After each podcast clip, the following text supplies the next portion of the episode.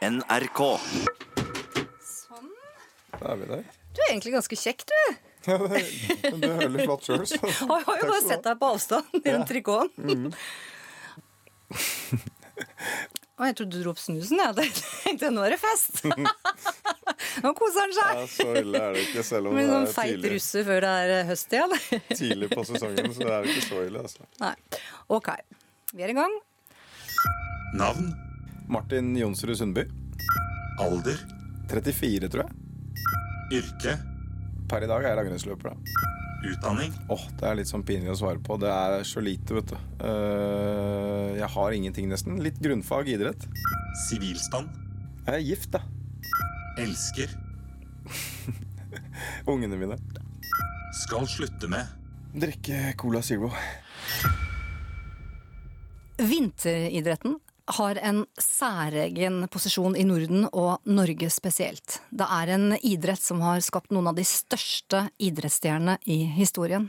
Og da kan jeg si velkommen til en av de beste, Martin Jonsrud Sundby. Tusen takk for det. Veldig hyggelig å være her. Første norske vinner av herreklassen i Tour de Ski i 2013-2014, og den siste som altså tok gull på 15 km klassisk for herrer i ett VM. Gratulerer. Jo, tusen takk. Ja, det var en fantastisk eh, Det var generelt et fantastisk VM, da. Men for min del så var det selvfølgelig det å kunne krone så langt en ganske innholdsrik karriere med et VM-gull. Det var eh, satt langt inne, og så var det veldig deilig. Det var en drøm som gikk i oppfyllelse.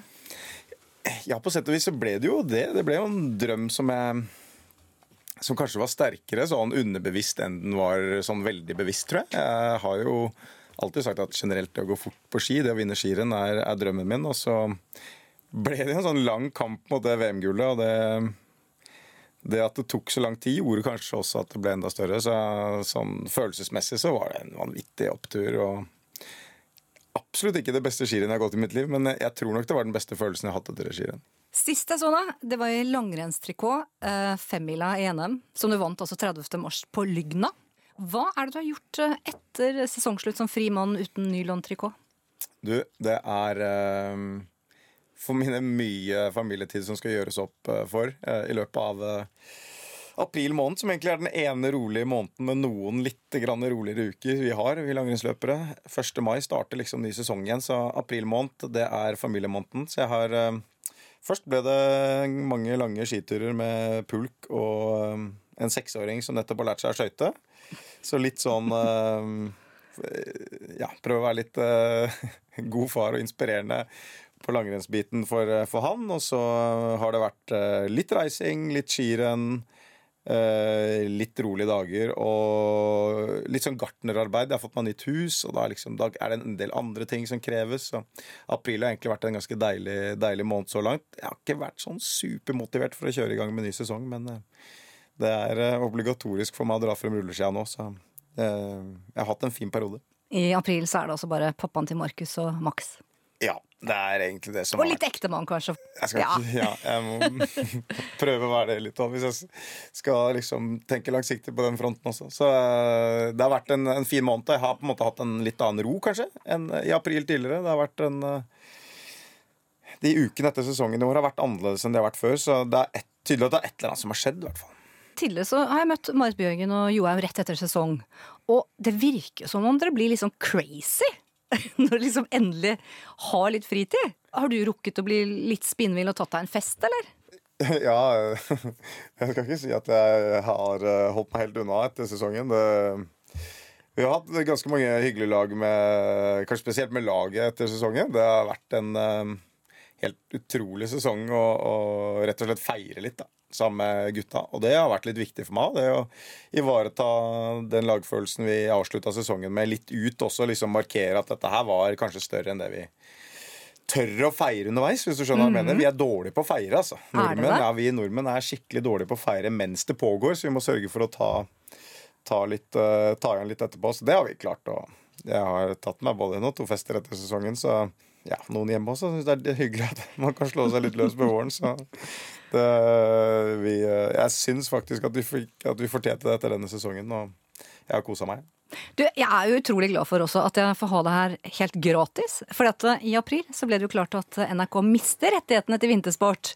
Fra 2021 så er det også verdenscup i langrenn eh, og VM etter hvert da, på strømmetjenesten Viaplay og Viafree og Viasats TV-kanaler. Det merker ikke du noe til? Det er jeg ikke sikker på. Jeg tror vi har vært uh, forbeholdt uh, utrolig mye god produksjon av vår egen idrett. Først og fremst litt at uh, vi har klart å etablere oss til å være på en måte en folkesport. Altså Vi er en nasjonalidretten. Langrenn skiskyting står ekstremt sterkt som TV-idrett i, i, Norge. Det tror jeg er mye pga. NRK. Um, hvordan de produserer, hvor mye de har vektet innsatsen på det området, og hvor tilgjengelig NRK er for folk. Um, vi er livredde for den endringen som kommer. Det, det er jeg helt ærlig på. Det, er det det? Ja, Hva er det du frykter, da? Ja, internt i miljøet så er vi redd for den tilgjengeligheten. Da. Jeg tror kanskje i hovedsak at det å ta fra langrenn den posisjonen som eh, og skiskyting, ikke minst. Eh, NRK-idrett som alle har tilgang på til enhver tid. Eh, det vil si at du slipper å gå via en betalingskanal. Du slipper å ha andre ting som på en måte trer inn i den idretten. Jeg, jeg syns vi har hatt en kanskje ufortjent god posisjon der, men, men likevel for oss som idrett er jo Jeg mener det har betydd alt. Hvorvidt så mange mennesker kommer til å se på langrenn i fremtiden, er helt umulig å spå. Men, men vi er selvfølgelig redd for at det kommer til å gå utover det tallet. Langrenn er et sterkt produkt, ikke minst pga. dere langrennsutøvere. Og det viser jo, med den kampen som var, de pengene som ble lagt på bordet, at dere er mer attraktive enn noensinne. Ja, det er jo litt naturlig. Altså, vi må, først må jeg si langrenn er veldig, veldig liten idrett sånn på verdensbasis. Altså, det må jo bare hvis noen, hvis noen, tror at ikke vi vet det, på en måte, så må vi bare si at det er vi fullt klar over. Vi vet at det er en miniputtidrett. Vi tror likevel at uh, nivået på de beste idrettsutøverne eller de beste langrennsløperne er på et ekstremt høyt fysisk nivå. da. Men sånn som vår posisjon i Norge er, uh, så er det jo litt annerledes. Fordi vi, en, et, vi, bor i et land hvor folk generelt er kjempeglade i å gå på ski. Uh, de aller fleste kan gå på ski. Og de aller fleste har i løpet av sitt liv på en måte vært innom den idretten på et eller annet vis. da. Mm. Eller får et forhold til det. Og så blir det sånn det du får et forhold til, syns du kanskje det er litt morsomt å følge med på. Uh, har vi en følelse av. Så det, og, og, historisk sett også så har jo langrenn vært, uh, hatt en sterk posisjon i, i, landet vårt, og det drar vi god nytte av nå. Samtidig som det har vært profiler i løpet av de siste ti årene som har vært med på å sørge for at langrenn er populært og faktisk en kul idrett å drive med i 2019. Mm. Uh, og la oss alle sende en, en, stor takk til Petter for det. For det har han jo vært med på på en måte å sørge for med sin profil. At uh, sterke, det er kult å gå på ski i 2019. Du sender den til Petter Northug? Ja, det gjør jeg. altså. Jeg mener jo mener at han uh, i aller høyeste grad skal stå mye av æren for at det er uh, Vi andre også er med der. Jeg sier ikke det, men, men uh, det har jo vært en veldig tydelig profil i de siste ti årene som har sørget for at, at vi driver med en kul idrett. Og da, når du da har en folkesport som også er blitt en kul idrett å drive med, så den, her til lands så blir det vanskelig å toppe det Eh, så mye videre. Da. Kanskje vi skal se nå, for vi skal se om vi kan klare å toppe heila skiten. For nå skal vi se om langrenn funker best på podkast. Ja, det er jeg veldig spent på. er du med? Og det vi skal, er at vi blant annet skal google deg. Ok, ja, det er jeg spent på.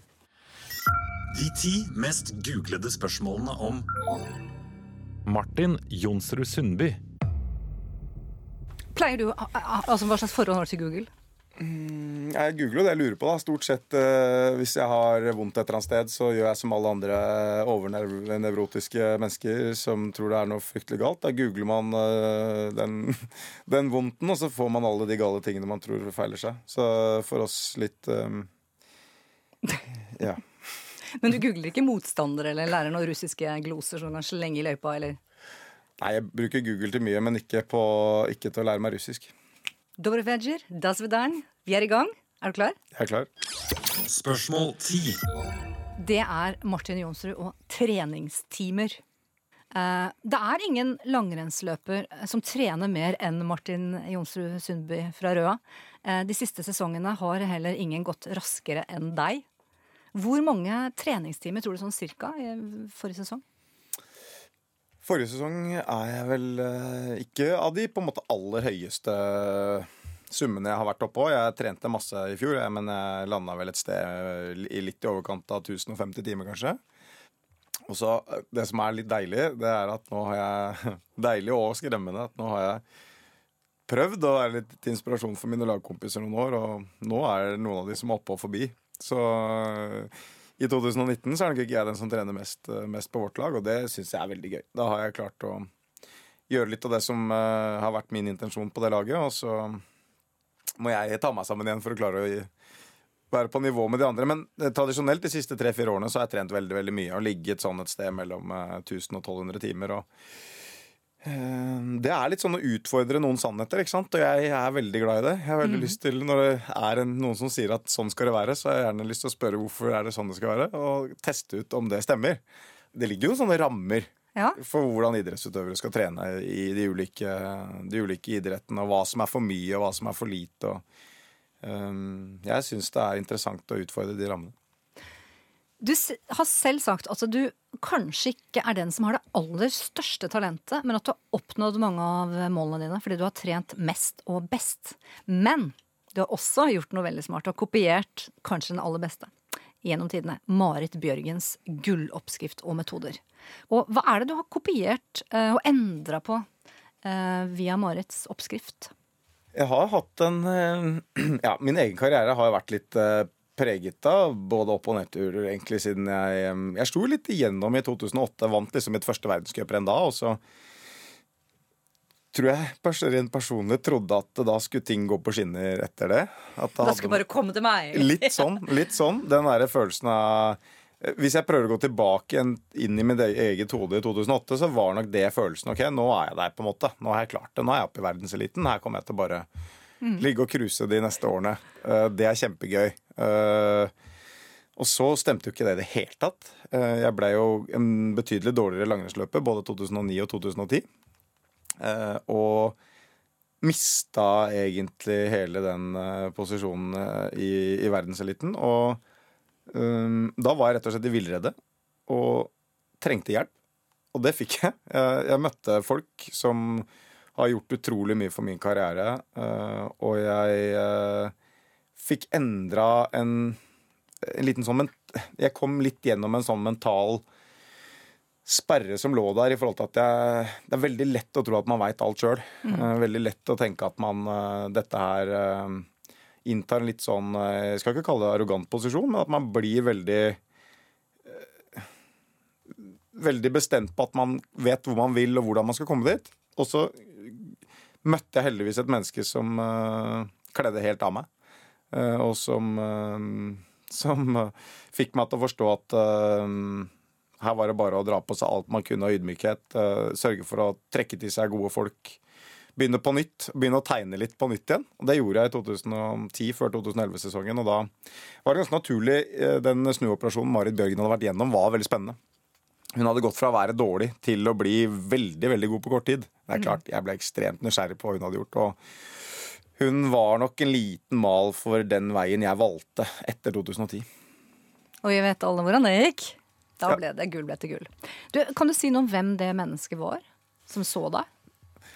Ja, jeg kan jo det. Og kledde av deg? Ja, jeg, jeg møtte en uh, typ, sånn klisjéuttrykk mentaltrener. Uh, en coach. Uh, Erik Bertrand Larsen.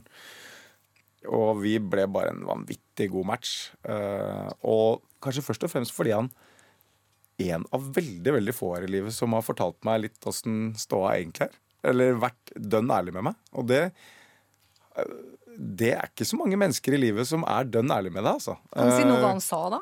Som, ja. som, som, var litt tøft å høre, da? Jeg er fra Røa, og det veit jeg ikke helt. Altså Oslo vest. Jeg veit ikke helt om vi er medfødt en sånn slags selvtillit der som, som uh, tres litt på oss. Men I sånn vestkantarrogansen? Ja. Uh, ja, jeg, jeg, tror det på et eller annet vis. Og... Har sjøl det? og nå har du sett åssen jeg ser ut, men jeg, jeg var nok litt høyere, litt høyere og litt mørkere uh, før i tida enn jeg nødvendigvis er, er, nå. Og hadde veldig sånn den følelsen av at ja, men jeg er jo på landslag, og jeg er landslag i langrenn, liksom, og, og var jækla fornøyd. Mm. Og det, det, å være fornøyd når du er idrettsutøver, eller det å være komfortabel, det, det er et dårlig sted å være. Så han fortalte meg bare at uh, ja, du er en sånn typisk middelmådig idrettsutøver. Rett ut. Det var første samtalen vi hadde sammen. Og du betalte et klekkelig honorar, sikkert. Og det er jo en- den brutale sannheten som eh, Det var, det var tilfellet. Men jeg, jeg møtte ingen andre mennesker som klarte å legge frem det på en måte som gjorde at jeg ikke hadde lyst til å slå dem ned. Og, og, og samtidig klare å få noe konstruktivt ut av det. Eh, samtalen vi hadde, hadde selvfølgelig mange andre temaer enn akkurat dette. Men han fortalte meg rett og slett at eh, per i dag, Martin, så er du ganske dårlig. Men jeg, så er det jo, ikke sant, man har jo sånne triks. Altså, men jeg, jeg tror du er smart nok til å snu det. Jeg, jeg opplever at det er veldig få mennesker som er ærlige med deg. Eh, så jeg verdsatte det utrolig høyt. Men tilbake til liksom um, det du tok med deg fra, fra Bjørgens uh, suksess. Altså, hvordan trener du nå? Det handler litt om kraftoverføring, blant annet. Ja, jeg jeg så den gangen at Marit hadde gjort en utrolig omveltning i forhold til teknisk arbeid. da. Eh, og, ble nysgjerrig på det. Jeg spurte hvilke mennesker hun hadde brukt, hvem hun hadde fått hjelp av. Og litt tilbake til den eh, ydmykheten som jeg hadde nødt til å plukke opp igjen. da. Eh, at her må jeg lære av folk. Folk må hjelpe meg. Jeg trenger rett og slett hjelp. Um, og så knyttet jeg til meg mange av de samme menneskene som hun hadde brukt i sitt tekniske arbeid. Rett og slett for å lære meg å skøyte, f.eks. Jeg, jeg kunne jo en gang i tiden gå veldig bra klassisk, men jeg var dårlig til å skøyte. Altså. Så hadde jeg lyst til å gjøre et forsøk på å lære meg det, og, og, og tok kontakt med de samme menneskene som Marit brukte den gangen, og, og lykkes egentlig ganske godt med det prosjektet der også. Så det er en fascinerende del av idretten som jeg har tatt med meg, som jeg håper at jeg kan ta med meg videre i livet. Det er det å Når man blir spiss på det man jobber med, eller når man øh, Jeg tror langrennsløpere og idrettsutøvere generelt, kanskje langrenn og idretter som har mange aspekter, de er det er vanskelig å være spiss nok i treninga si. Det er vanskelig å være spiss nok i mindsettet på hva man ønsker å bli god på. Uh, Men, men det lærte jeg meg litt med dette tekniske arbeidet. Det er Hvis jeg jobbet ekstremt hardt med noe, veldig lite, over, over en periode, uh, og jobbet masse med det, og egentlig ikke trente så mye på de andre tingene, så fikk jeg veldig veldig stor effekt av den treninga. Og, og det verste var at den treninga også gjorde meg bedre på andre ting. Um, så spist fokus ble vel egentlig en av byggesteinene i mitt Eller i, i min treningshverdag uh, fra da våren 2010, da. Og mye styrke sikkert på Olympiatoppen.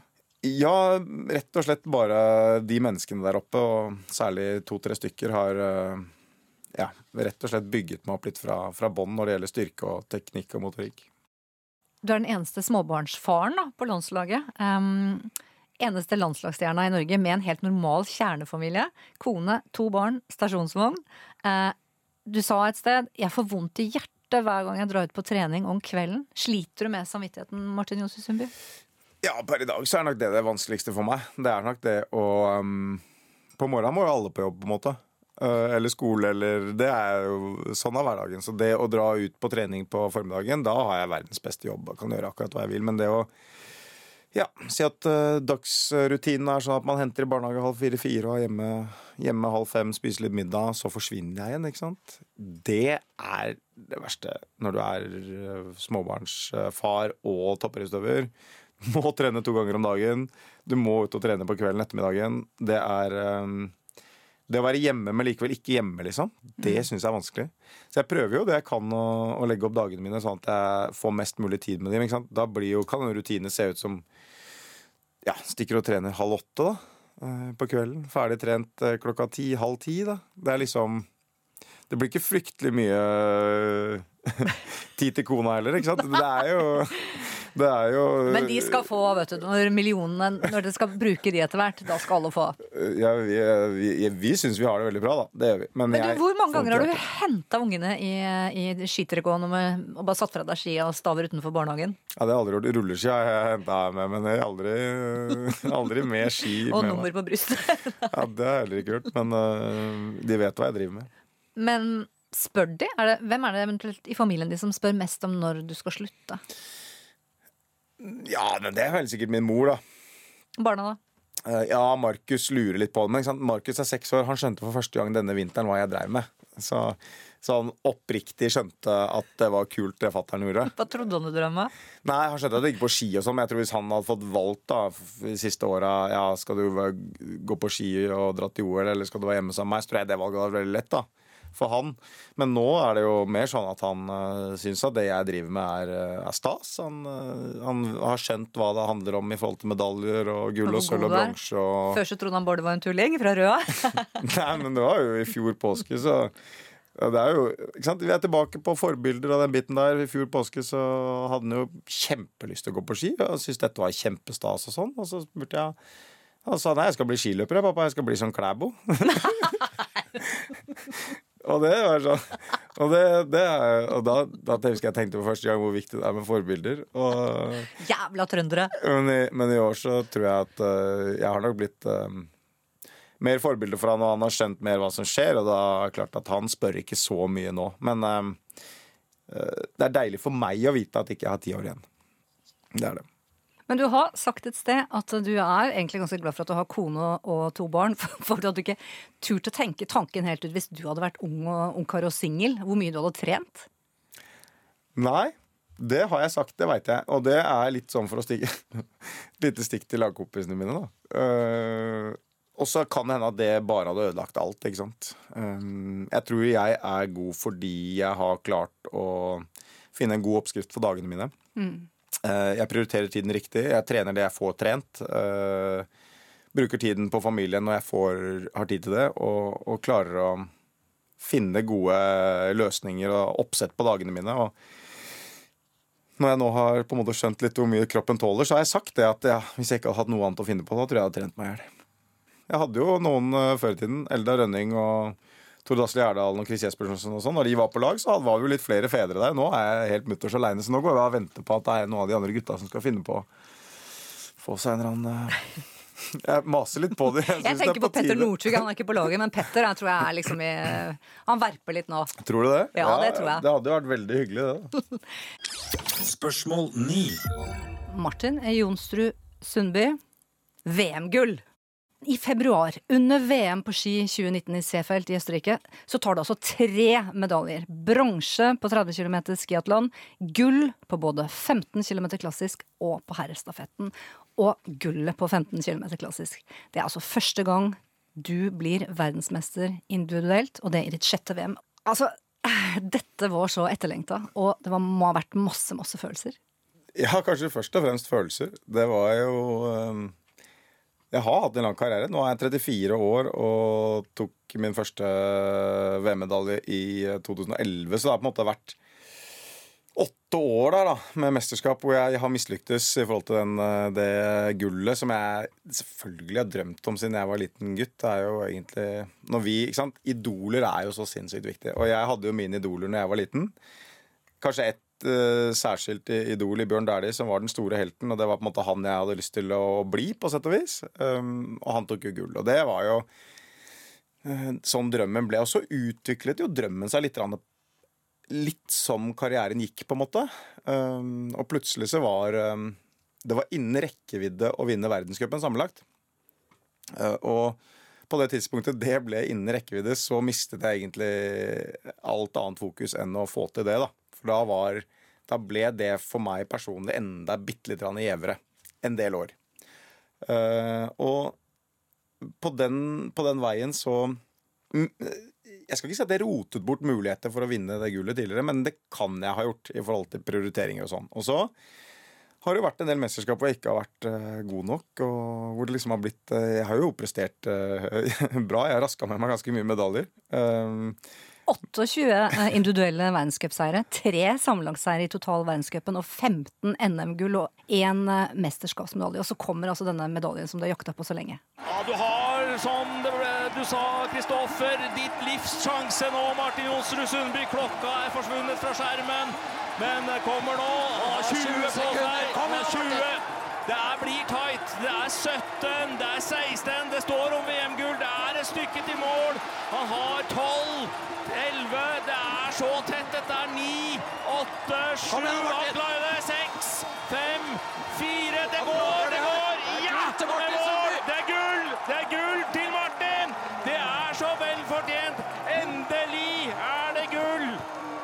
Det var, eh, det var helt utrolig. Hele den dagen var egentlig helt eh, superspesiell. Jeg, jeg gikk et skirenn hvor jeg fra start eh, Jeg følte meg pill råtten og trodde liksom at Og hadde i en lang periode følt meg ordentlig bra og tenkte at dette kan bli et fantastisk VM.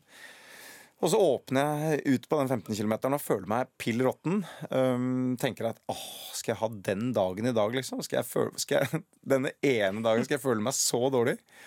Uh, og så skjer det noe underveis da, som gjør at jeg, jeg kjenner jo at jeg henter meg ganske raskt inn. Jeg er ganske raskt på igjen etter en utforkjøring. uh, og klarer å mobilisere på nytt, egentlig, halvveis der. Og så får jeg gode meldinger, uh, går meg opp på resultatlista og får jeg da vite i siste bakken at, det er, at jeg leder med noen sekunder der. Og klarer bare å tenke at dette kommer jeg til å rote bort, dette kommer jeg til å rote bort, dette kommer jeg til å rote bort. Da tar den seieren så, og tar det første gullet. Det betydde veldig mye. Kanskje mye mye mer for meg enn jeg hadde trodd at det skulle gjøre. Eller i hvert fall enn jeg hadde uttalt at jeg trodde det skulle gjøre. Så, og det tror jeg handla mye om folk rundt. Altså. Jeg tror det handla om eh, de menneskene som eh, har støtta meg liksom hele veien. Familie, venner, lagkompiser. Alle som viste så inderlig at de unna meg det her. Eh, jeg Du glemmer én! Du glemmer kongen. Han var jo nesten li- like happy som deg. Jo, men ikke sant? Alle, og det også var fantastisk, og han var så glad på, på mine vegne. Vi har spist middag kvelden i forkant, vi har diskutert løpet. og så eh, Alle disse menneskene som ble veldig veldig glad på mine vegne, som unna meg det her, de følelsene ikke sant? Når det, det blir en reaksjon, så skaper det masse følelser hos meg. Jeg var så takknemlig i etterkant for alle de gode tanker og ord jeg fikk, og at eh, konkurrenter kom bort til meg og på en måte gratulerte meg og tenkte og fortalte at dette her unna de meg virkelig. og Russiske sølvvinneren Aleksandr Besmerkny sa at du er en legende. Dario Colonia, han er nesten like stor som meg. Og eh, Andrej Larkov sa at du har betydd utrolig mye for sporten. Det blir ikke bedre attest. Nei, og det er jo så hyggelig på en måte å høre fra kanskje de konkurrentene, mange av de konkurrentene jeg ser opp til sjøl òg. Det er jo det er jo sånn det fungerer i det gamet her. Man kan ikke si det til de andre når det står på, men uh, sannheten er jo at jeg ser jo opp til mange av kvalitetene konkurrentene mine har, og prøver jo å nærme meg de på andre områder hvor jeg mener de er bedre enn meg, og så får jeg sånne hyggelige ord. Det betyr utrolig mye. altså. Men jeg merker jeg ble litt nysgjerrig på hva sa kongen? Og så satt dere liksom og tegna løpet på noen servietter, og liksom var Sonja med, og hva skjedde egentlig? Ja, vi hadde en veldig hyggelig middag med kongeparet, kongen og dronningen, eh, kvelden før denne 15 km. Og de hadde da vært og sett eh, damene gå 10 km da den dagen før, da. Og så hadde vi en middag med dem, og det var litt interessant, det. Fordi vi satt jo egentlig midt i en beslutningsfase hvor vi skulle bestemme om vi ønsket å starte tidlig eller sent. da. For det, det, den muligheten fikk vi under VM. Vi kan velge litt når i feltet vi ønsker å starte. Og det kunne være en ganske avgjørende beslutning eh, i Seefeld fordi det var så spesielle forhold. Snøen var enten rask eller treg, eller den ble veldig mye tregere etter hvert osv. Så, videre. så Så den beslutningen var ganske avgjørende. Og kongen hadde jo tydelige formeninger om eh, hvorvidt vi gjorde eh, gode eller dårlige valg i forhold til hvor vi hadde valgt å starte. og Kongeparet er så genuint opptatt av det vi driver med, at det blir jo en veldig veldig god samtale egentlig å, å ha med de. Så det var en morsom, eh, morsom seanse, syns jeg, da, eh, kvelden før. Og så det er klart, når vi møter de da Møter kongen og dronningen rett etter målgang der, og de får lov til å ta del i at jeg vinner mitt første VM-gull også, så var det Jeg, jeg, jeg syns det er stas. Det syns jeg. Men fikk kongen rett? Hadde han tippa rett? Om du skulle starte tidlig eller seint? Eller er det en hemmelighet? Det får jeg velge å ikke svare på. Og helt ærlig nå, vurderte du da liksom etterpå Tenkte du sånn Nå kan jeg gi opp. Nå kan jeg legge opp. Ja, jeg, jeg har ikke i ettertid vært veldig nære den tanken. da, Det har jeg ikke, Men det er vel ganske mange andre som egentlig har spurt meg det spørsmålet du stiller nå. Altså, ja, Skal du legge opp nå? Som Eh, kona, eller? Nei, hun har ikke spurt om det. Men det er en del både venner og bekjente som har stilt det spørsmålet. Det er, jeg ser jo det, på en måte. Jeg er jo ikke noen uh, ungfole i dette gamet lenger. og i og med at dette målet var så ekstremt uttalt og så tydelig, og, og det å klare å nå det såpass seint i karrieren, så kunne det vært naturlig. Men i hodet mitt så var jeg på en måte ganske lenge innstilt meg på to år til. Jeg, jeg hadde lagt den planen, og har fortsatt den planen om å gå de neste to årene. Så vet jeg ikke om det var en sånn feig beslutning på at uh, ja, det går vel kanskje ikke nå heller, på en måte. Uh, tenk hvis ikke det går i i C-felt, så må jeg gi meg selv enda en mulighet. Så, så underbevisst så kan det hende at det var bakgrunnen for det. Men jeg elsker det jeg driver med. Jeg synes jo dette her er eh, Jeg mener jo sjøl at jeg har verdens beste jobb, og så innimellom så går jo verdens beste jobb litt på bekostning av det som er et familieliv hjemme. Det er den vurderingen som kanskje er den sterkeste for meg. da, eh, Hvorvidt det er eh, forsvarlig å fortsette med dette. Men eh, Du må ha med et OL til. Ja, det er det som er det vanskelige spørsmålet. vet du. Fordi at eh, Går jeg to år til, så kommer liksom OL år nummer tre der. og det, Jeg vet ikke, jeg kan ikke svare deg på det nå. Jeg sier bare at jeg skal gå to år til. Da liksom da kan jeg si at jeg er tittelforsvarer i, eh, i Oberstdorf om to år, og det eh, er jo egentlig en veldig, veldig fin plass å da eventuelt si at OK, dette holder. Jeg vet at du er kraftig irritert på neste sesongs rennprogram, for det er også over 41 verdenscuprenn som venter i cupen. Ja, Kraftig irritert er vel å dra det langt. Jeg, eh, det blir et tøft program, da. Ja, det er et tøft program, og så er det litt sånn hva vi er på jakt etter, tror jeg. Langrennssporten, som jeg sier, vi er såpass små internasjonalt at vi er nødt til å bygge at, Bruke klokskap når vi bygger det konseptet vi har lyst til å vise frem. Da. Vi er nødt til å ha med oss de fleste nasjonene, vi er nødt til å ha med oss de aller beste utøverne. Jeg tror kanskje det er der fokus må ligge. Altså, de aller beste er nødt til å stille i det produktet vi har lyst til å vise frem. Så hvis da det blir et oppsett hvor eh, mange av de beste utøverne syns eh, rennprogrammet blir så tøft at de velger å avstå fra å gå eh, en del av de viktigste løpene Vi har hatt en situasjon de siste årene hvor Tour de Ski eksempelvis har dratt færre og færre jenter inn i, inn i den konkurransen. Og hvis det på en måte blir et resultat at vi ikke klarer å mønstre de beste til alle de konkurransene vi ønsker å vise på TV, da har vi et problem. Og det er, der beveger vi oss litt nå, tre. Og vi sitter jo i en i en eh, beslutningsfase nå hvor vi liksom skal bestemme oss. ok, Skal vi prioritere den helgen, den helgen? Skal vi gå alt? Hvem orker det? Hvem har muligheten til det? Men vi har lyst til å vinne skirenn. Åssen skal vi prioritere?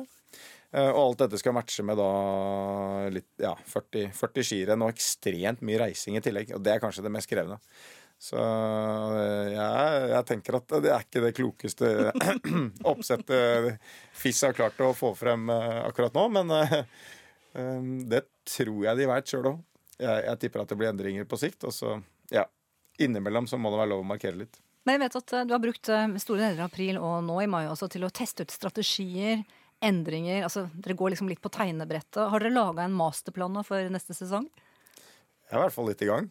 Eh, Vi eh, var samme laget forrige uke oppe i Nord-Norge og gikk litt på ski og hadde mye møter og la planer og evaluerte. Og litt sånn som en vanlig bedrift gjør. ikke sant? Etter at årsrapporten ligger der, og hvor skal vi videre hen? Hvor går veien nå? Det er Sånn gjør vi det òg.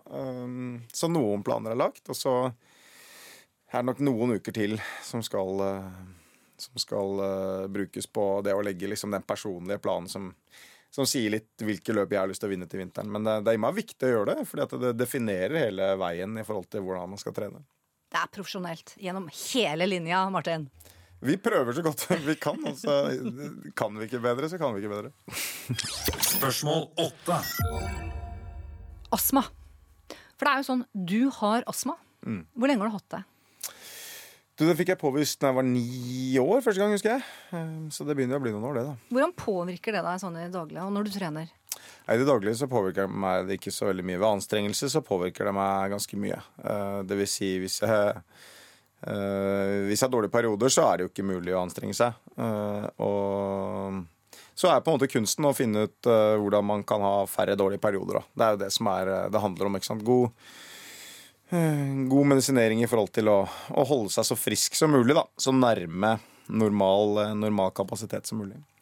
Og derfor tror jeg liksom hele Idretts-Norge fikk sjokk da din astma forårsaka en dopingdom og utestengelse i 2016. Du ble altså i juli 2016 utestengt i to måneder eh, for brudd på WADAs antidopingreglement. Dommen hadde bakgrunn i at landslagslegen hadde administrert din medisin på feil måte. Av et i utgangspunktet lovlig astmapreparat. Jeg vet du kanskje ikke har så veldig lyst til å snakke om det. Vi skal bare veldig kort innom det. Skipresident eh, Erik Røste sier Sundby ikke er skyldig i saken. Hadde Norges Skiforbund søkt om medisinsk fritak, hadde det blitt innvilget, og det hadde ikke blitt noen sak. Det er viktig for meg å slå fast at dommen i KAS ikke handler om juks. Det handler ikke om å oppnå fordeler. Det har dommen vært veldig tydelig på. Det handler om forståelsen av hvordan en lovlig og nødvendig medisin skal inntas. Martin er derfor uten skyld i det som har skjedd. Jeg mener at det er en totalt urimelig dom som nå faller på meg. Men jeg må stå med den dommen, og jeg skal klare å stå sterkt i det fordi jeg vet jeg ikke har gjort noe gærent. Det eneste jeg kan be dere om, det er å sette dere inn i saken, lese den, forstå den. Og forhåpentligvis se hvor urimelig det er. Det er det eneste jeg ber om. Og jeg ønsker selvfølgelig å takke kona mi, som har vært min bautastein i 18 måneder. Takk. Hvordan tok du det at, at ordet doping liksom ble hefta ved navnet Martin Jonsrud Sundby? Eh, Akkurat det har jeg aldri tatt inn over meg. Eh, Fordi det, det, det stemmer jo ikke, på en måte. Eh, Så det har jeg egentlig ikke tenkt noe over, og heldigvis, kanskje. Eh, Men den, den prosessen og hele den perioden der var jo grusom, ikke sant. Det var jo, men det holdt jo på så lenge. For folk eh, utad ble det jo ikke mm. synlig mer enn i, en kort periode. Eh, Vi hadde styra med dette her i halvannet år. Og, og det var en, en lang prosess eh, frem og tilbake, og ikke minst berg-og-dal-bane følelsesmessig, i forhold til eh, at eh, folk nærmest ikke visste hva de prata om, og hvordan de skulle håndtere dette her. og Sånn sett ble Ja, føler jo vi fortsatt at vi ble ekstremt urettferdig behandlet. Um, men, eh, men når du spør om det, det du spør om, så, så er det rett og slett Det har jeg aldri tenkt over. Jeg, og så får det være andres, eh, andre folk, opp til andre folk å vurdere det. Men, eh, men um, for min egen del så har jeg ikke gått inn i det på den måten. I tillegg til utestengelsen så ble det også, og kanskje det var enda tøffere, altså bli fratatt seieren i Davos um, fra 13.12.2014, tredjeplassen i Toblak i 8.1.2015, samt uh, at du mister altså seieren i både Tour de Ski 2015 og verdenscupen sammenlagt. Veldig hard straff. Ja, det var det. Uh, Og historisk sett så var det mye å si. Vi Jeg hadde hatt fire verdenscuper sammenlagt. Jeg hadde hatt tre Tour de Ski sammenlagt. Det er mer enn tre og to, det. Så totalt sett så Men, men dette her ble jo en reaksjon av en um, eh, en prosess som eh, er under enhver kritikk, eh, slik eh, jeg, jeg så det, vi så det, og reglementet er endret i ettertid, og det har skjedd så mye justeringer et, i etterkant av den saken fra WADA sin side at det er helt horribelt at ikke at ikke mm, på en måte de endringene de gjorde, fikk tilbakevirkende kraft for det, for det vi sto i. Uh, men dette er så langt Da kunne hatt en egen podkast du skulle snakket om dette her, tror jeg. Men du For kom det her er mye, mye frustrasjon. Men, uh, men uh, ja, jeg kom meg gjennom, og det er jeg stolt av. Det er på en måte Jeg vet ikke, Det er vel kanskje det mest lærerike jeg har vært gjennom i karrieren, sånn totalt sett. Den, de to årene der. Og, og strategier og mentale prosesser og re, relasjonelle prosesser som jeg kanskje Ja, som, som står så sterkt øh, den dag i dag at det, det kommer jeg til å ta med meg resten av livet. Det er krisehåndtering på det aller, aller høyeste nivå. Altså. Men er du bitter? Ja Jeg kan ikke si per i dag Jeg tenker ingenting på det nå. Unnskyld at jeg dro det opp igjen. Ja da, ikke sant? Så nå kommer jeg sikkert til å være bitter noen timer igjen, da. Ja. Men, men det skal jeg leve med. Eh, jeg var fryktelig bitter, jeg var det. Eh, og i hvert fall sånne ting har eh, blitt håndtert fra Wada sin side etterpå. Jeg ble jo først frifunnet. Ikke sant? Eh, det gjorde jeg jo. Det var på en måte helt åpenbart at jeg skulle bli det. Og så var det for mye stolthet og, og ja, hva skal man si? prestisje inne i bildet i WADA til å, til å ha det samme, klare å ha det samme bildet. Så jeg var bitter på den prosessen. Og så ble jeg veldig mye mer bitter når de endret alle reglene rett etterpå.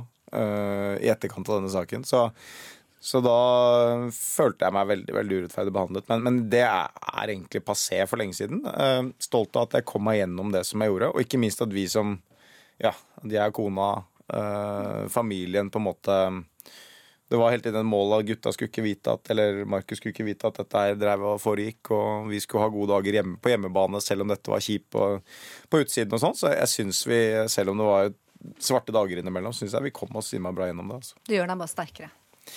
Jeg kunne gjerne vært foruten Ja. den situasjonen, det kunne jeg nok. Eh, Men, men jeg tror jeg lærte en del, og i forhold til eh, senere i livet, det å ha med seg litt grann hvordan man håndterer en krise, tror jeg ikke er så dumt. Så, noen år senere her altså, Therese Johaug blir utestengt også fra sporten. Eh, Delte dere noen erfaringer når hun sto i dette? Kunne støtte henne? Ja, jeg hadde jo alle intensjoner om det. Det tror jeg de aller fleste hadde på den tiden. Um, og jeg um, hadde et ønske om å, om å være på en måte til den hjelp jeg kunne være for henne. Uh, og så hadde hun masse andre flotte og gode mennesker rundt seg. Så hun, hun måtte takle det på sin måte, og så prøvde jeg å komme med noen innspill innimellom. Jeg hadde jo skjønt hvordan systemet, eller på en måte hva, hva, som, var, uh, hva som var vesentlig, hva som ikke var vesentlig. Og, og det, uh, det var trist å, å se den, den situasjonen. Jeg fikk ikke gjort så mye på en måte, annet enn å prøve å være en støtte som alle andre. Men kan du si noe For at nordmenn, vi elsker når ting går bra. Da er vi der i medgang, ikke sant. Eh, Så har du dette med janteloven. Eh, Følte du eh, at det endra seg noe i folket, og føltes det nesten som en enda større straff? Det er jo um, Det som har vært aller vanskeligst, tror jeg, i disse sakene, er at det å ha en sånn sak i media aldri vil bli rettferdig. Grunnen til at jeg sier det, er at liksom, vi, vi eh, Korrekthet eller presisjon eller faktaorientering i, i media i 2019, det er ganske skeivt. Det vil si at du kommer jo som journalist ganske Du kommer unna med fryktelig mye feil, da. Eh, du kan legge frem eller skrive om eller lage saker på veldig veldig mye faktabaserte feil uten at du blir arrestert på det. Eh, og det Vi måtte jo kunne sittet 24 timer 7 og, og korrigert mediehus på at de hadde skrevet feil i, media, eksempel. Da. Eh, Så hvis man da skal ta det utgangspunktet og mene at folk mann i gata må forholde seg til alle de feilene som står i media. Så Det, det, blir veldig, det blir en utrolig krevende operasjon å forholde seg til. Strategien blir jo for oss ok, dette kan jeg ikke forholde meg til. Mm.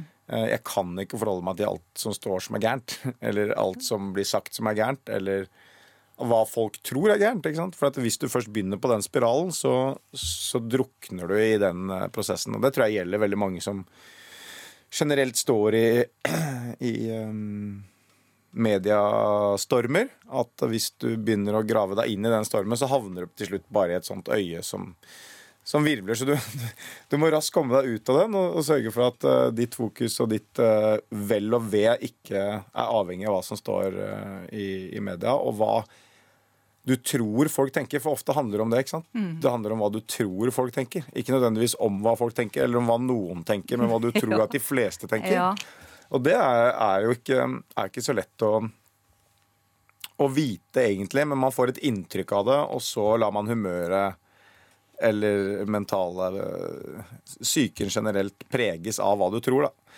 Så det å ikke tro er bedre enn å tro, fant jeg ut når jeg, når jeg sto i, i den prosessen. Så er vel, er vel det det skal ikke være noe generelt råd til folk uh, som står i stormer, men, uh, men det å, å stå i en mediestorm, det tror jeg det er mer krevende det enn en prosess til seg selv. Spørsmål 7. Martin Jonsrud Sundby og hjerteproblem. Vi skal tilbake til 2011. Og kan du ta eh, oss med oss og fortelle om denne dramatiske septemberdagen da du er ute på en rolig løpetur? Du er altså 26 år gammel. Hva er det som skjer? Ja, der og da var det i hvert fall noe av det aller mest dramatiske jeg har vært med på. Jeg, um, dette her var jo Det var en periode hvor det var mye snakk om hjertet, altså. Det var jo rett etter um, han brannspilleren Torp hadde falt om på banen i Bergen i branndrakta. Uh, og jeg er på løpetur i, uh, i Nordmarka en ettermiddag. Det var jo litt sånn utpå kvelden, tror jeg. Og så, og så kjenner jeg jo plutselig at det er et eller annet som er eh, ikke er som det skal. I, eller at hjertet slår eh, veldig, veldig unormalt. Og da, jeg, da, der og da så får jeg panikk. altså Da tror jeg det er noe veldig gærent. ikke sant? Jeg Du fikk panikk? Ja. Absolutt total panikk. Jeg, eh, har veldig lite kjennskap, hadde veldig lite kjennskap til eh, idrettsrelatert hjertetrøbbel. Um, eneste jeg hadde lest om i media, var på en måte en dramatisk historie som hadde skjedd på fotballbanen noen uker tidligere. Og får vel egentlig en litt sånn der, ganske dramatisk dødsangst der og da. Um, og så begynner man å hyperventilere, og så blir man jo tåket, og så tror man jo Så trodde jeg Jeg trodde jo på sett og vis at dette her eh, ikke skulle gå så veldig bra. Tro- Trodde du at du skulle dø? Ja, der og da så hadde jeg ikke noe forhold til det. Jeg måtte bare komme meg til folk, var vel egentlig fokuset. Uh, se om jeg klarte å komme meg til folk. For jeg begynte å hyperventilere, og det, da setter du jo alle sanser ut av spill, holdt jeg på å si. Da blir man jo lammet, egentlig, og det prikker overalt, og man blir, tåke, altså, man blir jo svimmel av det. Og da blir du altså henta med luftambulansen og flydd på et sykehus. Ja, jeg havner jo på Rikshospitalet der, da. Jeg var rett og slett livredd, og um, fikk eh, Og det var en sånn tøff Det var egentlig en ganske tøff periode av livet, det òg. Sånn i forhold til at jeg ikke visste om jeg kunne fortsette med det jeg drev med. Det var mange leger som ikke trodde at det var mulig. Og så var det noen som sa at dette her er ikke noe problem i det hele tatt. Og så brukte jeg lang tid på å bli komfortabel med den situasjonen at jeg hadde um, Ja, det er jo bare hjerteflimmer, egentlig. Og det å venne seg til den tanken, at man ikke kanskje ikke var genetisk rusta for å drive med dette her på det nivået, var, det var en spesiell tanke. altså. Da hadde jeg liksom, Livet mitt var jo all in på å gå så fort mulig på ski, og så plutselig så var det noen som røska det opp ved roten og sa at dette er ikke sikkert at du kan gjøre likevel. Men, øh, men øh, det var en øh, periode som jeg egentlig har kommet meg ekstremt godt ut av sånn etterpå. Så Uh, vart i massevis For jeg hadde, jeg hadde hjerte, sånn hjerteangst i en periode hvor jeg på en måte trodde at her var et eller annet som var gærent. Selv om sju leger fortalte meg at dette er helt i orden, så trodde jeg liksom at jeg måtte til den åttende for å få sjekka det. Så øh, jeg tror jeg må jo være den mest utreda idrettsutøveren på hjertet noen gang.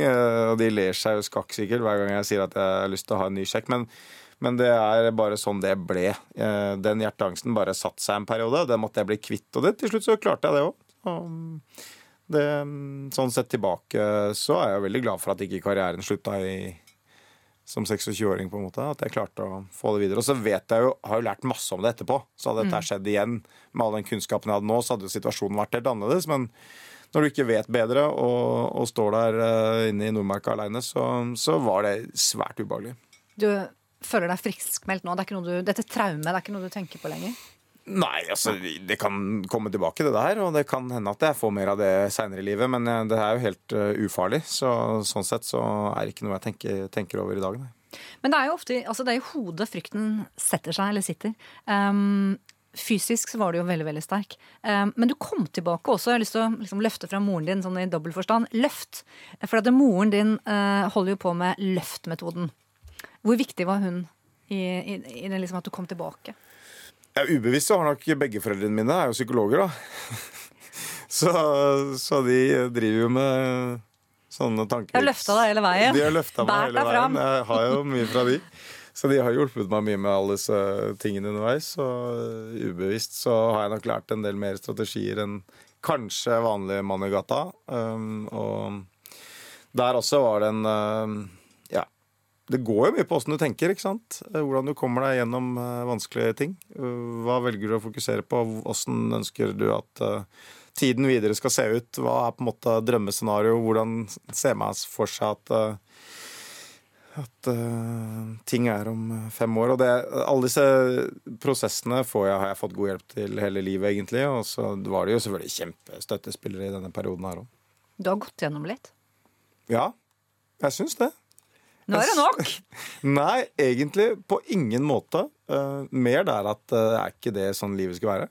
Uh, jeg tenker at av, Ja, jeg har fått uh, kanskje litt mer enn jeg kunne tenkt meg. Det syns jeg. Og det er masse mange deler av ting som ofte man føler at var ufortjent osv. Men, men uh, så tenker jeg også at uh, steike, det man lever én gang, er jo bare å putte så mye ballast i båten som overhodet mulig. Og, og sørge for å, å, å lære. Og det har jeg blitt veldig opptatt av. Lære alt det jeg detter borti. Uh, sørge for at jeg, i hvert fall, at jeg er bedre rusta når jeg kommer ut av ting enn når jeg gikk inn i det. Så nå har du lært deg å leve med frykten. Men har den på avstand. Ja, men det er den eh, sånn helsefrykt eh? Når, du har underliggende helsefrykt, og så får hjerteflimmer, så er det en krevende operasjon å snu ut til noe positivt. Men eh, helsefrykten generelt har ikke lagt seg, men jeg er ganske komfortabel med hjertesituasjonen. Ja, du har helsefrykt. Det har vel alle sånne toppidrettsutøvere. Du du kan jo ikke bli sjuk. Nei, det er ikke det. Nei, det er én ting. Altså, det er greit. Sånn sesong. Men det er noe helseangst. Det er jo et reelt folkeproblem, det. Det er, man vet altfor mye om altfor mye ja, ikke sant? Det er der du googler. Det er der jeg googler helseangsten min. Hvilken sykdom har Martin Johnsen Sundby i dag? Nei, jeg vet ikke. Jeg hadde litt vondt i magen på trening, kanskje. Nei da, det var fleip. Spørsmål 6. Tatovering. Ah, Har, har du et tatoveringsstudio i Torvald Meyers gate i Oslo? Øh, nei. Nei, for det er jo ikke deg. gjort, ikke gjort noen investeringer der. Nei, det er jo en annen Sundby. Det er Erik Sundby som har det. Men, eh, men spørsmålet er, har du, har du noen tatoveringer på denne kroppen din? Uh, Som jeg er stolt av, eller som jeg har? Det er som du har? uh, Ja, jeg har det, altså. Jeg har en tatovering. Jeg har det. Den, den dukket opp på et Ayanapa-besøk i, to- i når Det er lenge, lenge siden. Det er snart 20 år siden. Da jeg var 18 år, så Ja, du si, sørget jeg for å dra hjem fra Ayanapa med et minne. kan du si hvor på kroppen du har lagt den? Du, den ligger nederst på ryggen. Mm. Så den er hvert fall sånn at jeg aldri ser den sjøl. Det er- kan jo være greit. Er det så ille? Hva står det? Det, er står ikke- det er jo det mest harry du kan ha. Men eh, jeg tror en eller annen gang i tiden så tenkte jeg at dette er et flott utgangspunkt for å fortsette å brodere litt videre. Og så ga det seg på en måte der, og da ble det bare en eh, Hva er det man skal kalle det? En, en tribal? ja, det er, pin, det er flaut å snakke om, syns jeg. Så det er ikke sånn blant dere gutta i miljøet at dere, det er sånn Ari Behn-greier? At dere tar en eh, sekser eller en gullmedalje fra OL eller VM? Du, jeg har uh, absolutt idrettskompiser som, uh, som markerer sine bravurer med tatoveringer, men jeg er ikke der, altså. Så dem, generelt i pakka Martin Sundby så passer den innmari dårlig. Uh, men det må jeg bare leve med. Spørsmål fem. Nummer fem. Martin Jonsrud Sundby og Gustav. Det er altså et leserinnlegg i Asker og Bærum Budstikke. Nei, marka er ikke for alle, hvor altså mor Camilla Fjellheim Hovelsrud beskriver en skitur som ikke ble som forventet pga. oppførselen til andre skiløpere. Det er hun og barna på syv og ni, hvor ett av barna er Gustav, som har en fysisk funksjonsnedsettelse, cerebral parese. Det er en gutt som elsker vinteridrett, og som må tåle masse dritt, kan jeg si det sånn, i løypa. Og det her provoserte deg. Det trodde jeg ikke noen visste. Uh, ja, det gjorde det. Uh, det er, jeg er jo veldig heldig. Jeg har en veldig sånn Jeg har en posisjon som gjør at man får lov til å samarbeide med mye flotte ideelle organisasjoner. Jeg samarbeider litt med Redd Barna. Jeg samarbeider også med Stiftelsen Vi. Det er veldig mange av disse som, som er opptatt av ja, mennesker som Gustav, da. Eh, og det å inkludere barn og unge, og det spesielt det å glede seg over å bruke kroppen og være ute og være i aktivitet som barn, det er så viktig. Og jeg, liksom, det brenner jeg for. Så når jeg leste dette, så syns jeg det var en, en veldig, veldig sånn trist sak å, å lese. Og tenkte så veldig for meg, Gustav. Det, det har helt sikkert noe å gjøre, å gjøre med at jeg er far. Eh, Det er veldig lett å relatere seg til en sånn situasjon. Bare si det kort at Folk altså kjefta på han, de ropte på han, pekte, lo, gikk på skiene. Gikk over skiene og stavene hans og sa 'kjapp deg'. Ja, det, jeg- jeg- det, den, hele den historien er forferdelig. Eh, Og som jeg sier, jeg, hadde- det vært eh, gutten min, på en måte, og det hadde vært for, eh, generelt for en forelder også en, en fæl situasjon, men for Gustav, dette var ikke noe hyggelig. Det var ikke noe gøy i det hele tatt. Jeg hadde lyst til å Jeg hadde lyst til at dette her skulle bli en eh, At han skulle få et ålreit forhold til dette her igjen, så jeg tok kontakt med moren hans. Og sendte en videohilsen til Gustav. Ja, jeg gjorde det. Jeg trodde ikke noen visste det, men øh, jeg gjorde det. Og så fikk jeg noen samarbeidspartnere til å, til å sende over litt øh, kule greier til han, så han øh, føler seg kulere enn alle andre når han er ute og går på ski i skiløpet. Og han har som livsmotto 'Jeg gir meg aldri'. Det tror jeg han har lært av deg. Det er et veldig kult, kult livsmotto, han virker som en dødskul fyr, så jeg tror Jeg håper at han også ja, legger dette her langt bak seg, så skal jeg jeg og mine kolleger fortsette å hjelpe både Gustav og alle mulige andre barn og unge ut i idrett og aktivitet, for det er utrolig viktig. Jeg tror det er på grunn av gester som dette her at maskinen Martin Jonsrud Sundby blir et menneske for en hel nasjon. Det, ja, det, dette var litt, jeg var litt opptatt av at ingen skulle vite dette her. Men eh, Det er bare å og i denne podkasten. ja, ikke sant? Spørsmål fire. Martin Jonsrud Sundby trener. Du har jo vært eh, innovativ, revolusjonerende med måten du har løftet sporten til et nytt fysisk eh, nivå de siste årene. Og du kan, har du sagt, tenke deg en trenerrolle når du en gang legger opp, da. Ja, eh, jeg kan det. Jeg, jeg, jeg tror jeg har lært mye underveis, da. Så jeg tror det handler mer om den lysten jeg har til å lære bort det jeg har lært. Den er stor. Jeg, jeg tror jeg har skaffet meg erfaringer både på det ene og det andre, og på godt og vondt, egentlig, som gjør at jeg, jeg mener at jeg er rustet til å hjelpe andre å ta gode beslutninger. Eh, Og så er det på hvilket nivå det, det gjelder. Akkurat sånn som livet mitt er nå, så syns jeg det er fantastisk inspirerende å være sammen med barn og unge. ikke sant? Det syns jeg er kanskje det morsomste jeg gjør. Det å arrangere eventer, det å gjøre ting, konkurranser osv. For, for barn og unge, det gir meg jo bare bøttevis med energi og mye gode følelser. Og jeg, jeg ser jo Nå er jeg jeg blitt så gammel at jeg på en måte ser verdien av uh, idoler. ikke sant? Hvis, hvis jeg hadde vært liten og Bjørn Dæhlie hadde tatt meg med på en, på en treningstur eller vært med på en konkurranse eller prata til meg, så hadde det vært eh, Jeg hadde jo levd på det i flere år. Syns det er stort sjøl å sitte og snakke med deg. så, så det å på en måte ta en sånn Ta en sånn rolle innimellom og, og være litt sånn trener, coach eller, eller motivasjon, inspirator for, for yngre, det betyr mye. Det, det syns jeg er veldig gøy. Og så er det det derre trenerkonseptet i forhold til å trene folk som er på toppnivå. Det, det inspirerer på én måte, samtidig som det kanskje kan være veldig utfordrende å hoppe. Jeg, jeg tror ikke jeg skal, Det er noe jeg skal hoppe rett ut i. Det tror jeg ikke. Men noen mener kanskje at du kan være vel nytenkende og, og utfordre da, etablerte norske sannheter, bl.a. i langrennsmiljøet. Hva tenker du der? Er, er, er det mm, du skiller deg ut på? Jeg, jeg tenker at øh, jeg egentlig Egentlig så skiller jeg meg ikke ut så veldig. Fordi egentlig så er jeg ganske tradisjonell øh, treningsfilosofi. Sammenligner du på en måte hva jeg gjør med hva Thomas Alsgaard og Bjørn Dæhlie gjorde i gamle dager, tror jeg ganske veldig mye av det er ganske likt.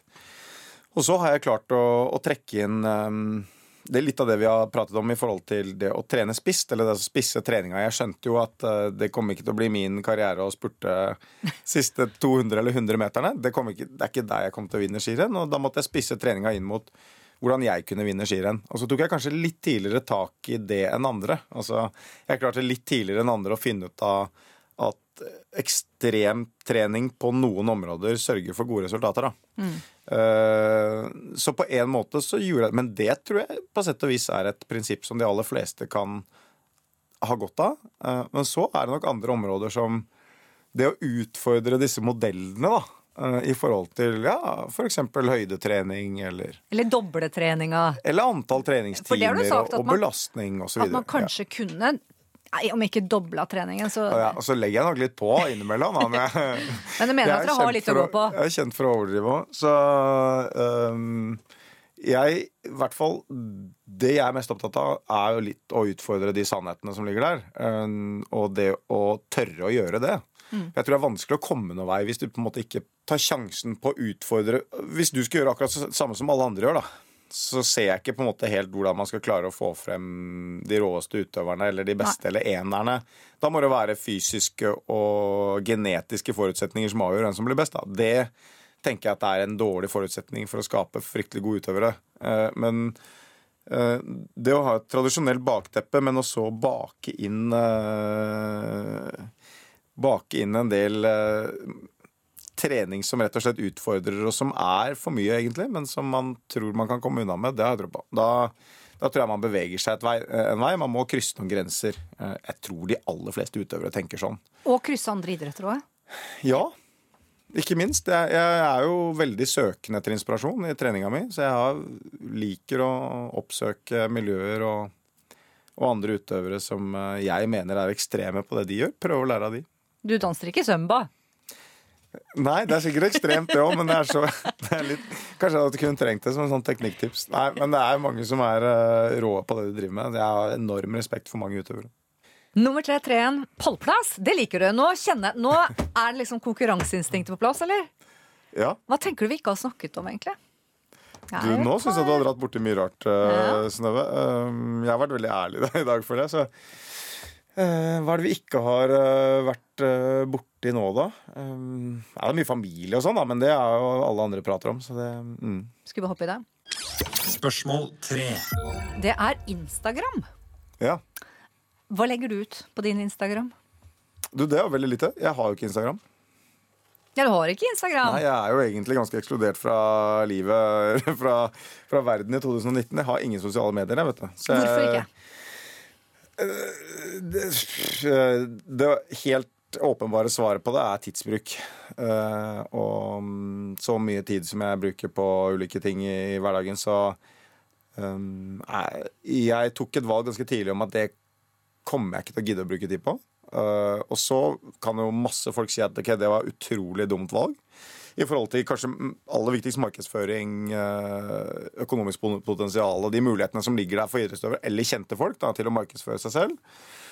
Og så tror jeg eh, på sett og vis ikke jeg er så veldig opptatt av å kline trynet mitt rundt omkring heller. Jeg, jeg har ikke det store behovet for å mm, vise frem hele tida hva jeg driver med, hvem jeg er, hvor, for å på en måte bygge en profil. altså Det kunne sikkert være veldig morsomt, men skulle man gjort det, så måtte man gjort det ordentlig. da. Det måtte vært en, en seriøs uh, gått inn for det, tatt for mye tid for meg. Og da blir det sånn enten eller. Enten så gjør jeg det, så går jeg all in for å gjøre noe.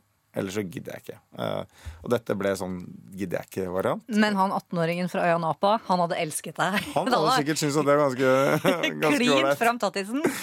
Ja, det kunne han jo eksempel ha gjort. Uh, Men, du, grunnen til at jeg også spør er jo at Skiforbundet de har jo uh, nå bedt utøvere om å unngå å legge ut bilder hvor dere viser for mye kropp. Ikke sant?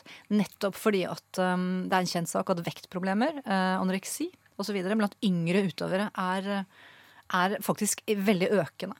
Mm. Eh, hvor, hvor ofte tenker du på at du er et forbilde for andre yngre utøvere? Det, tenk, det tenker jeg mye på.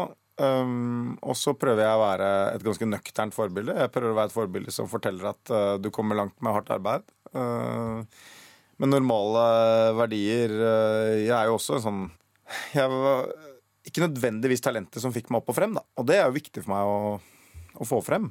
Og da vet jeg også at i alle andre sammenhenger så blir man et forbilde. det det er ikke så lett å ta det inn over seg når man står i det. Eh, Det er lett å prøve, Man kan prøve å ta fugleperspektivet innimellom, ikke sant? og så se at dette er det, den effekten ting gir, og så driter man seg ut innimellom. Og så gjør man dumme ting, og så må du tilbake liksom og angre på det. Og må du tenke at eh, «Uff, det her var dårlig i forhold til den rollen som man egentlig har som forbilde. Så blir det noen oppgjør med seg sjøl på bakrommet, og så bare innse at ok, i dag dreit jeg meg ut, eller det her var ikke bra. Så man prøver prøve, på sett og vis prøve på nytt og lære av det man har gjort. Og, øh, men så er det faktisk en enklere utvei da. Ikke stå i disse sosiale mediene for å eksponere seg på den måten. Og, og måtte være så ekstremt bevisst. Fordi det må man faktisk være i 2019. Ekstremt bevisst på man, øh, hvordan man velger å fremstå. Hvilke jeg trenger ikke å kalle det press, men hvilket press man ønsker å legge på, på de som ser opp til det. Eneste vi har fått se noe av kroppen din, og det har vært direktesendt TV. Du går i singlet i noen renn. Ja, Ja. det er jo Jeg har jo TV-innslag og noe, noe nett-TV og sånn som jeg trener i bare overkropp på, men det, hvis du blir fryktelig anorektisk av å se den kroppen her, da, da tror jeg Nei, jeg, jeg føler at eh, jeg, jeg ønsker å stå for eh, sunne og friske verdier. Spørsmål to. Martin Jonsrud Sundby Holmenkollmedaljen. Altså, du har, Martin, oppnådd alt. Alt en idrettsmann kan drømme om. OL-gull, VM-gull, stafettgull, NM-seire. Og i 2019 tok du altså med din utklassingsseier på femmila ditt NM-gull nummer 16 og passerer altså selveste Oddvar Brå på lista over hvilke herreløpere som har flest norske mesterskap i langrenn. Men du mangler, du mangler én, altså norsk skisports høyeste utmerkelse. Holmenkollmedaljen. Den vært delt ut siden 1895. Mange mener at det er ekstremt dårlig gjort og ulogisk at ikke du har fått den. Hva tenker du sjøl? Hva skal jeg si, ja? Um, man velger sine kamper litt samme omhu, ikke sant. I sånn livet, livet er. Så må man velge litt hvor man skal bruke sin frustrasjon, eventuelt orke å mene noe. Um, her har jeg faktisk valgt å ikke mene så mye. Uh, jeg har tenkt at OK, det får være helt opp til de. Men Det er- jo rød-gutten, og du har jo gjort det så sinnssykt bra i Holmenkollen. Og vi har vært der og Ja, heia det det fram. er min yndlingsarena. Det har gått veldig mange gode skirenn der. Jeg har vunnet to femmiler der. Jeg vant mitt første hovedlandsrenn der da jeg var 14 år. Og, øh, for meg hjemmebane og Ikke sant. Det er, jeg, jeg er helt enig i at jeg aspirerer til den medaljen. Um, og så er det en grunn til at ikke jeg har fått den. Og så um, har på en måte de tatt et standpunkt der. I den øh, De sier altså Skiforeningen at de fortsatt ikke vil gi deg eh, medaljen av etiske årsaker. Det er altså den dommen fra 2016 da du ble utestengt i to måneder som er grunnet feil bruk av lovlig astmamedisin Ventolin, som er årsaken. Vidar Løfshus, han har vært illsint, treneren. Aktiv i debatten, og uh, mener altså at uh, Skiforeningen opptrer diskriminerende overfor deg. Du har folk på laget, da. Ja, det, men det, det og det er liksom Da er det setter jeg jo stor pris på at folk er på laget og står opp for det greiene der. Så like, man kommer på sett og vis ikke noen vei der, tenker jeg. Det hadde ikke jeg gjort heller, om jeg hadde fyra meg opp og, og tenkt at dette var urettferdig og banka i bordet og sånn. Det, det er utrolig bortkastet energi. Så det, akkurat det har ikke jeg valgt å Jeg må forholde meg til det når du spør, da. Og så må jeg forholde meg til det når andre spør om det. Jeg drar opp mye grums, det er ikke meningen. Men, men, men sånn helt innerst ved hjerterota, hadde du blitt litt glad da hvis du liksom innen ti år hadde fått den? Nei. Det, det, da blir det sånn eh, hvis, hvis du på en måte Jeg er jo så barnslig på sånn. Hvis du liksom at Nei, den skal ikke du få. Da sier jeg ok, det er helt greit, skal jeg ikke ha den.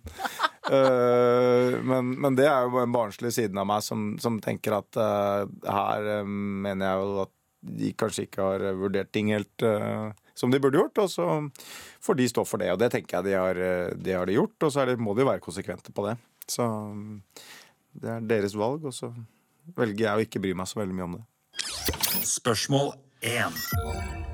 Da er vi på førsteplass, og vet du hva det er? Det er rett og slett eh, Martin Jonsrud Sundby og Det aller mest googlede spørsmålet er far. Det er far. For faren din, Jon Erik Sundby, han ble altså alvorlig skadet i en jaktulykke i september i Rauland i Telemark. Hvordan går det med han? I dag går det bra, altså. Det gjør det. Det er jo ja, Det er ikke alle som måte som har sett, som har sett min far. Han var litt på TV under VM og gjorde noen intervjuer og sånn, så de som så det, så jo at han hadde fått seg en liten trøkk. Uh, han skadet seg ganske stygt i, i fjellet, og, og per i dag så er det jo et uh, kosmetisk spørsmål, egentlig. da. Han, han har kommet seg helskinnet ut av det sånn all, på alle mulige andre områder, men uh, det er en lang prosess med å rekonstruere et, et nytt ansikt og sette inn tenner, og det er en del ting som på en måte må på plass igjen for at han skal være så tilbake til normalen som overhodet mulig. Det kommer han jo ikke til å bli helt, selvfølgelig, sånn i forhold til eh, funksjon og den biten der, men uh, sterke, jeg syns han har um, Han har stått tøft gjennom hele den uh, tida her. Jeg-? Der er man sånn livserfaringsmessig igjen, så jeg liksom kunne tenkt meg at kunne, han kunne fått lov til å være foruten den der, på en måte. 65 år og, og ødelegge, ødelegge, ansiktet på den måten. Det, det syns jeg var jæklig urettferdig. Så han, um, han er tøff, syns jeg nå, altså. Han er det. Tilbake i jobb igjen og fortell, altså det var jo veldig dramatisk. Først så kom, jo, kom det at det var en skyteulykke. Men det var altså en fallulykke um, eh, i, i forbindelse med jakt. Ja, altså det er jo det som er litt problemet. Øh, øh, nøyaktig hvordan ting skjedde oppe i fjellet der, vet vi ikke. For han var jo alene når det skjedde. Og han øh, var i et jaktlag, men de var litt spredt over alle vinder, egentlig. Fordi de gikk i litt ulikt tempo, hadde litt ulike ambisjoner og møttes innimellom til, til måltider og sånn. Så han var jo aleine når det skjedde. Og de han var sammen med, hadde jo ikke noe annen kontakt med han at de hadde hørt noen rare lyder på radioen eh, på et eller annet tidspunkt. Og så hadde de visuelt prøvd å finne ut av hvor han var hen i terrenget, og så hadde de sett en som rava litt rundt der. Og min far heller husker jo ikke nøyaktig hva som skjedde. Han har nok vært borte litt der, og, og etter smellen så vet nok ikke han heller nøyaktig hvordan ting foregikk, men, men det var jo det, det å få han ut av fjellet der var jo kanskje det mest dramatiske. Altså Fallet i seg selv, tror jeg, hvis Altså Det var oppsiktsvekkende store skader, men, men, øh, men i seg selv så hadde det vært håndterlig hvis man var på sykehuset innen fem, 15 minutter, på en måte. Men her var han da veldig langt unna folk. Og det var dårlig vær. Og det var ikke mulig å lande med Sea King-helikopter eller vanlig helikopter. Og han ble jo værende inne i fjellet der i ganske mange flere timer enn det som var um, burde vært tilfellet. da. Lå på intensiven altså ti dager på Ullevål sykehus. Og da eh, dropper du eh, landslagssamlinga. I den perioden måtte jeg egentlig droppe alt. da, eh, da var det jo eh, nær familie som, eh, som lå i en svært alvorlig situasjon. Så da måtte vi Vi rundt måtte jo slippe det vi hadde i henda, og, og, og være der. Så Og det ble jo en del uker. Vi, vi var på Ullevål i mange, mange uker der. og og han, eh, heldigvis da, så kom han jo seg gjennom det. ikke sant? Og det, igjen så er jo dette en sånn For familien så Hvis man tar bort at det var dramatisk for far, så var det jo Innimellom så er det ålreit for familien å samles på en sånn, eh, på en sånn måte. For det, det skaper nye relasjoner. Så hvis vi ser bort ifra at det, forfatteren var svært dramatisk, så var det for familien veldig bra. Men, eh, men da ble jo både trening og familie og alt annet ble jo Eller min egen familie ble jo da satt til side noen uker. Hvilke refleksjoner har du gjort da? Det er liksom andre gangen du selv på kroppen liksom møter helsevesenet. Du sitter med alle medaljene rundt halsen. Selvfølgelig ikke på sykehuset, da, men, men sykepleiere, leger versus det å gå fort på ski. Ja, nei, Jeg har heldigvis møtt, uh, møtt disse menneskene tidligere. Jeg har to barn, så jeg har vært innom sykehuset med ganske gode, gode opplevelser òg. Det tror jeg er litt sånn vanskelig å si til alle disse menneskene du møter her. Fordi du møter masse mennesker, og du møter mennesker som er um, proffe til fingerspissen. altså. Er så rå på det de driver med det er helt oppsiktsvekkende. Jeg ble sånn Første gangen jeg fikk uh, når jeg fikk Markus, uh, min førstefødte, så var det sånn Er det mulig å være så proff, liksom? Som disse folka. Og jeg var bare glad. Jeg gikk bare rundt og var glad i alle sammen. Og det, det blir man jo når man er i en dramatisk situasjon på sykehuset. Du blir veldig glad i de menneskene som jobber der. og Du får en veldig sånn veldig dyptgående respekt for den jobben de gjør. Eh, og, og veldig sånn urettferdig følelse av at det skrives ikke masse kjipt om disse i media, på en måte. Er, står det ikke mye at helsevesenet er ditt og helsevesenet Ja, er datt, ikke sant? De der sakene der. Og så får du føle det på kroppen, og så tenker du bare at råere blir det jo på en måte ikke. Uh, gjennom hele den Ja, det ble en mange uker. Vi var der uh, Han sjekket vel ut etter åtte uker på, på Ullevål. og Eh, Det gikk jo heldigvis bra, og det var jo dramatisk for oss, eh, de nærmeste. Det var dramatisk for han eh, sju-åtte dager, og så heldigvis er situasjonen bra nå. Familien er limet. Jeg vet at du har en avtale med familien din, kona di Marike og sønnene Markus og Max, at så lenge du er kandidat til å havne på pallen og vinne renn, så skal du få lov å fortsette langrennskarrieren. Stemmer. Ja, vi, vi må ha noen kriterier for at jeg får lov til å drive med den der selvdyrkelsen her. Eh, For det er jo det det handler om. Eh, Vi som familie har det veldig godt. Jeg har vært så heldig å prestere opp bra, og da har man jo en, en, en god jobb og ålreite inntekter og sånn. Og det er jo viktig for familien, ikke sant. Eh, Og så er vi blitt enige om to ting. Vi har blitt enige om at dette kan jeg holde på med så lenge jeg er i verdenstoppen og er en faktor. ikke sant? At det er en faktor i det jeg driver med. Det er et kriterium. Så det er kriterium nummer én. Kriterium nummer to at når jeg legger opp, så skal hun få gjøre akkurat hva hun vil.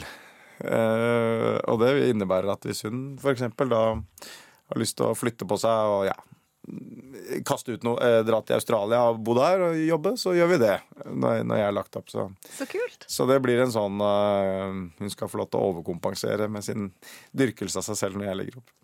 Undersøkelser fra NRK viser nå at fire av ti toppidrettsutøvere fra eksempel da, 94 har skader eller plager eh, som en konsekvens av karrieren. Altså Frykter du litt medaljens bakside, at, um, at det har en pris? ja, det kjenner jeg jo. Allerede? Jeg brekker meg jo opp av senga hver morgen, så det er jo ja, Det er sikkert et resultat av at jeg trener mye nå, da. At kroppen kjenner belastningen. Det er, tror jeg er eh, Men det er jeg på en måte fullt klar over. Jeg er klar over at det kan hende at det blir en del slitasje på ulike deler av kroppen som jeg kommer til å ta med meg resten av livet. Men likevel så er nok langrenn en sånn ganske myk Ja.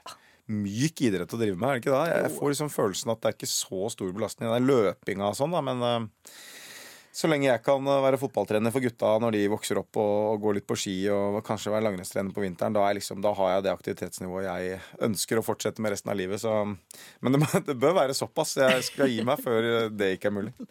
Og da ringer, du, da ringer du bare Dag Erik Pedersen, og så er du med i 'Mesternes mester'.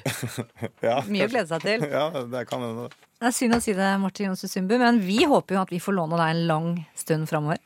Ja, det håper jeg også. Og så en annen ting som er veldig synd å si, er at nå skal vi snart ha sommerferie. Deilig sånn fire ukers lang ferie. Hva skal du i sommer? Jeg skal tilbake til Ayanapa. Skal du? ja, det er helt sant. Jeg skal til Ayanapa. Jeg skal ikke ta noen flere tatoveringer, men vi skal på Du får en ferie. Jeg skal på en sånn super all inclusive for ungene-variant. Lolle og Bernie og jeg og Markus og Max. Det blir helt rått. Og så skal jeg trene masse. Ja, For det er trimrom. Du reiser aldri noe sted uten trimrom. Det er kriterium nummer én. Da, da er det et godt treningssenter på hotellet. Selv på bryllupsreisen. Riktig. Ikke bryllupsnatta, men bryllupsreisen. Ja. Hvor lang ferie er det snakk om at du kan ta, da? Ferien jeg har hatt. Ferien var i april. Ferie og ferie. ikke sant? Alt, hvordan man definerer ferie, er jo litt ulikt. Ja. Eh, De fleste definerer ferie som ikke jobb. Ja. Uh, Så jeg er, må jobbe når jeg er på Ayanapa, men vi kan ha ferie for det. ja. Og så, når liksom da starter på en måte ordentlig hardkjøret, når er det fra? 1. mai. Nei, vi, vi uh, Hardkjøret har startet. Eh, Hardkjøret har startet, Ny sesong har startet, men Yes. eh, ungene må få litt uh, Så det blir et lite avbrekk på Napa og så er det bare goodbye, daddy's gonna go. Ja, vi får se. Lykke, masse, masse lykke til. Vi kommer til å følge med deg. Jo, tusen takk Vi har trua, trua, vi er veldig glad i deg. Tusen, tusen takk.